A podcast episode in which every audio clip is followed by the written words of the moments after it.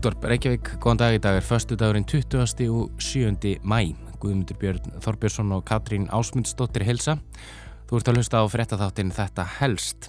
Undanfarið hefur mikið verið rætt um hatursorðræðu í samfélaginu og það heitna helst um byrtingamindir slíkrar orðræðu en dæmin hafa því miður verið æði mörgað undanförnu og svo hvernig bregðast þið við slíkri orðræðu hvað stjórnvöld geti gert.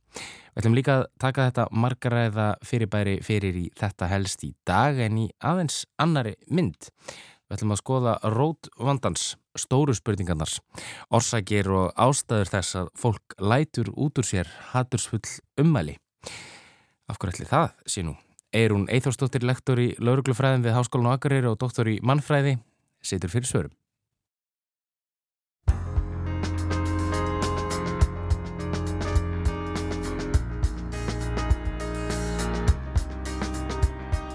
Meiningin og það hvað liggur að baki hatursfullum og hættulegum ummælum er kannski ekki það sem skiptir mestu máli í þessum efnum, heldur skaði tjáningarinnar, afleiðingarnar fyrir þau sem ummælinn beinast að, samfélagslegu afleiðingarnar líka.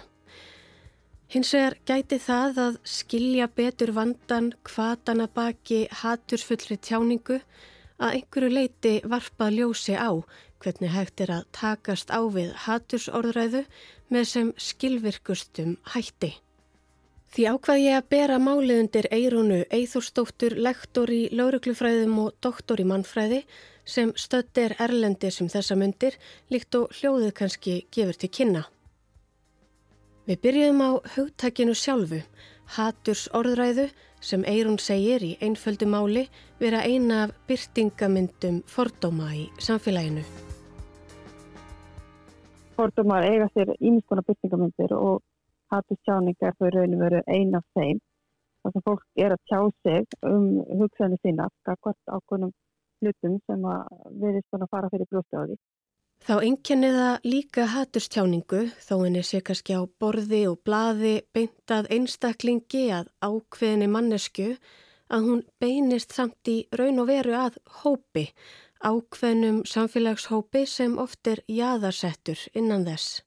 Það er það sem er enginandi við hatust tjáningu og hatust glæp er það að henni er beint að ákveðnum hópum samfélagsins og þó henni sé beint að eitthvað mannis í tjáningunni þá er verið í rauninu verið að tala til alla hópum.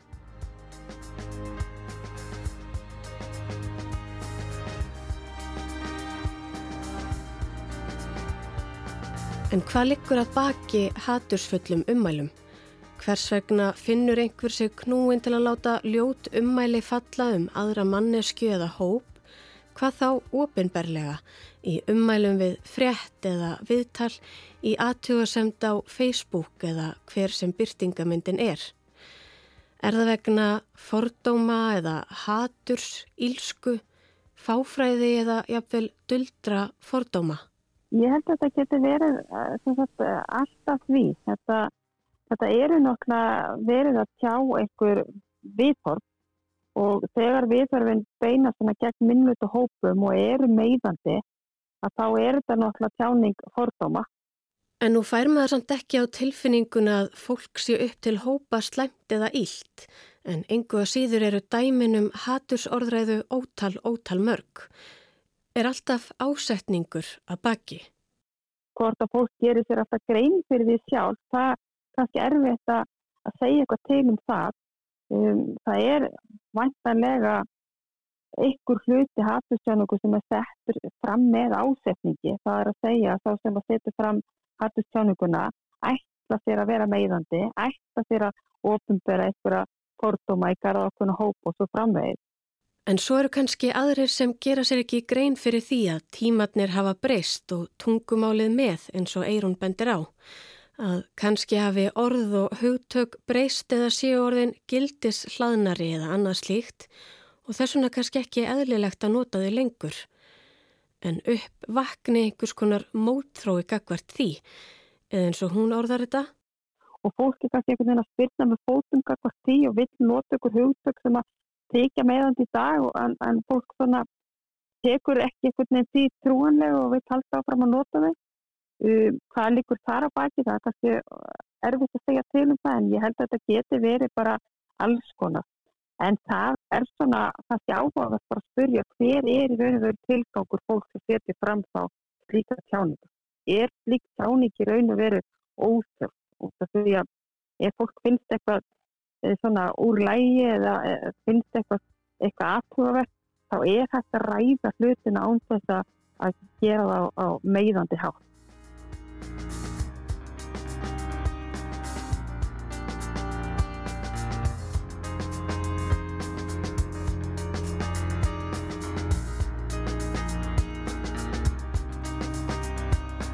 En hvað er að gerast í samfélaginu?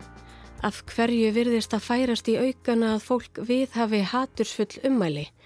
Er samfélagið að verða fordómafyllra eða spila aðrir þættir inn í? Það hefur kannski bara, er kannski bara þannig að það er orðið svo til som, sko, aðgengileg rými til að setja fram hatursjáningu. Með tilkominu netins og, og svona allra þessar samfélagsmiðla þá eru svo auðvelt að setja fram einhverja tjáningu sem að getur verið neikvæð og meðandi og svona ánþess að fólk kannski upplifi einhvers konar afleðingar þess. Margt breytist sem sagt í mannlegum samskiptum um leið og tölfur, snjálfsímar og nettenging blandast í máli. Vegna þess að þú segir einhvers hatustúrt í garð einhvers sem stendur kannski verið fram að þig, þá færðu náttúrulega viðbröð strax, vettalega frá viðkomandi en ef maður setur fram hattistáningu á netinu til dæmis, þá er engin viðstöð, eða þú, þú færði ekki svona, þarf ekki einhvern veginn að svona færa rauk fyrir máliðinu eða neitt slíkt, þannig þetta er svona og það er þessi auðvelt að setja fram hattistáningu. Það er kannski komin að einhvers konar svona fjarlægð, þú, þú serð ekki manneskjuna sem að þú beinir uh, ummælunum að og það jafnvel kannski hefur áhrif einhvern veginn á, já, hvað segir maður svona samhegð jafnvel að einhverju leiti eða? Já, það er sem þú talaði mitt um það. Það er vegna þess að þú ert ekki að segja þetta beint við manneskina, heldur þú ert ekkert einn bara að skrifa eitthvað á liklaborði hjá þér og, og þú kannski þarf ekki að svara fyrir eða að færa röð fyrir máliðinu en líf. Það er auðvitað að slengja eitthvað svona fram. Vettvangur fyrir hattursfulla orðræðu er víðar og orðin aðgengilegri og um leiðir ábyrðin og afleiðingarnar óljósari. Það hefur því kannski sjaldan verið mikilvægar að grýpa inn í og vinna gegn vandamálinu, en hvernig er best að fara að því? Hvað getum við gert til að spórna við hatursfullri tjáningu? Það er ímislegt hægt að gera.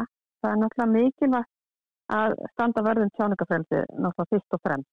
En það er líka mikilvægt að fólk gerir sér grein fyrir því að það sé ykkur mörguð ykkur einhver lína í sandinum það hvað í raun og veru er tjáning sem er í lægi og hvað er tjáning sem er meiðandi. Og ég held að við verðum að hlusta fólk sem verður fyrrhattstjáningu og við þurfum að taka mark á því þegar fólk segir að fólk sem að til eru myndið hópum eða já, þetta hópum uh, talar um að það upplifa sem hattstjáningu þá verður við að taka mark á því Svo geti samfélagi líka ákveð að taka sig á og komið sér saman um hvernig samfélagi við viljum búa í. Því haturs orðræða og vísbendingar um ána við farið vaksandi með tilkomu samfélagsmiðla er í raun og veru ekkert annað en ein byrtingamind þess að það séu ríkjandi fordómar í samfélaginu, segir Eirún. Og það þarf þá með einhverjum hætti að koma þá í vekkur þá fordóma eða í það minnst að komi veg fyrir umbrúða leysi fólk, skakvart þeim sem að eru þeim öðruvís. Þannig að þetta gæti verið gett mým sem hætti þetta þetta náttúrulega að vera með mikið til fræðslu en svo þetta líka löguruglan að taka þeim málum sem væri hvað alvarlegu og svo er bara hver á einn að líti í einn barm og, og svona skoða einn tjáningu og viðfólk.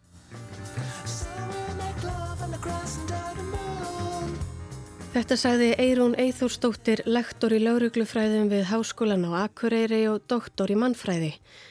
Eins og hún bendir á er mikilvægt að draga línu á milli tjáningafrelsis og hatursorðræðu.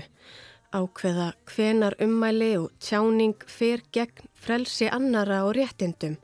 Hvenar tjáning er jafnvel orðin að glæpsamlegu aðtæfi sem veldur öðrum skada og getur haft alvarlegar afleðingar. En hvernig förum við að því þegar svo flókin og margræð fyrirbæri á borðið ummæli, tjáningu, orðræðu og tungumál eiga í hlut. Er hægt yfir höfuð að draga skýra línu á milli tjáningarfrelsis og hatursorðræðu, marka með svörtu og kvítu eða eru gráu svæðin of mörg fyrir til dæmis réttarkerfið og hvaða breytur þarf að taka til greina? Hvað segir núverandi framkvæmd okkur um það? Við skoðum málið betur í næstu viku í þetta helst.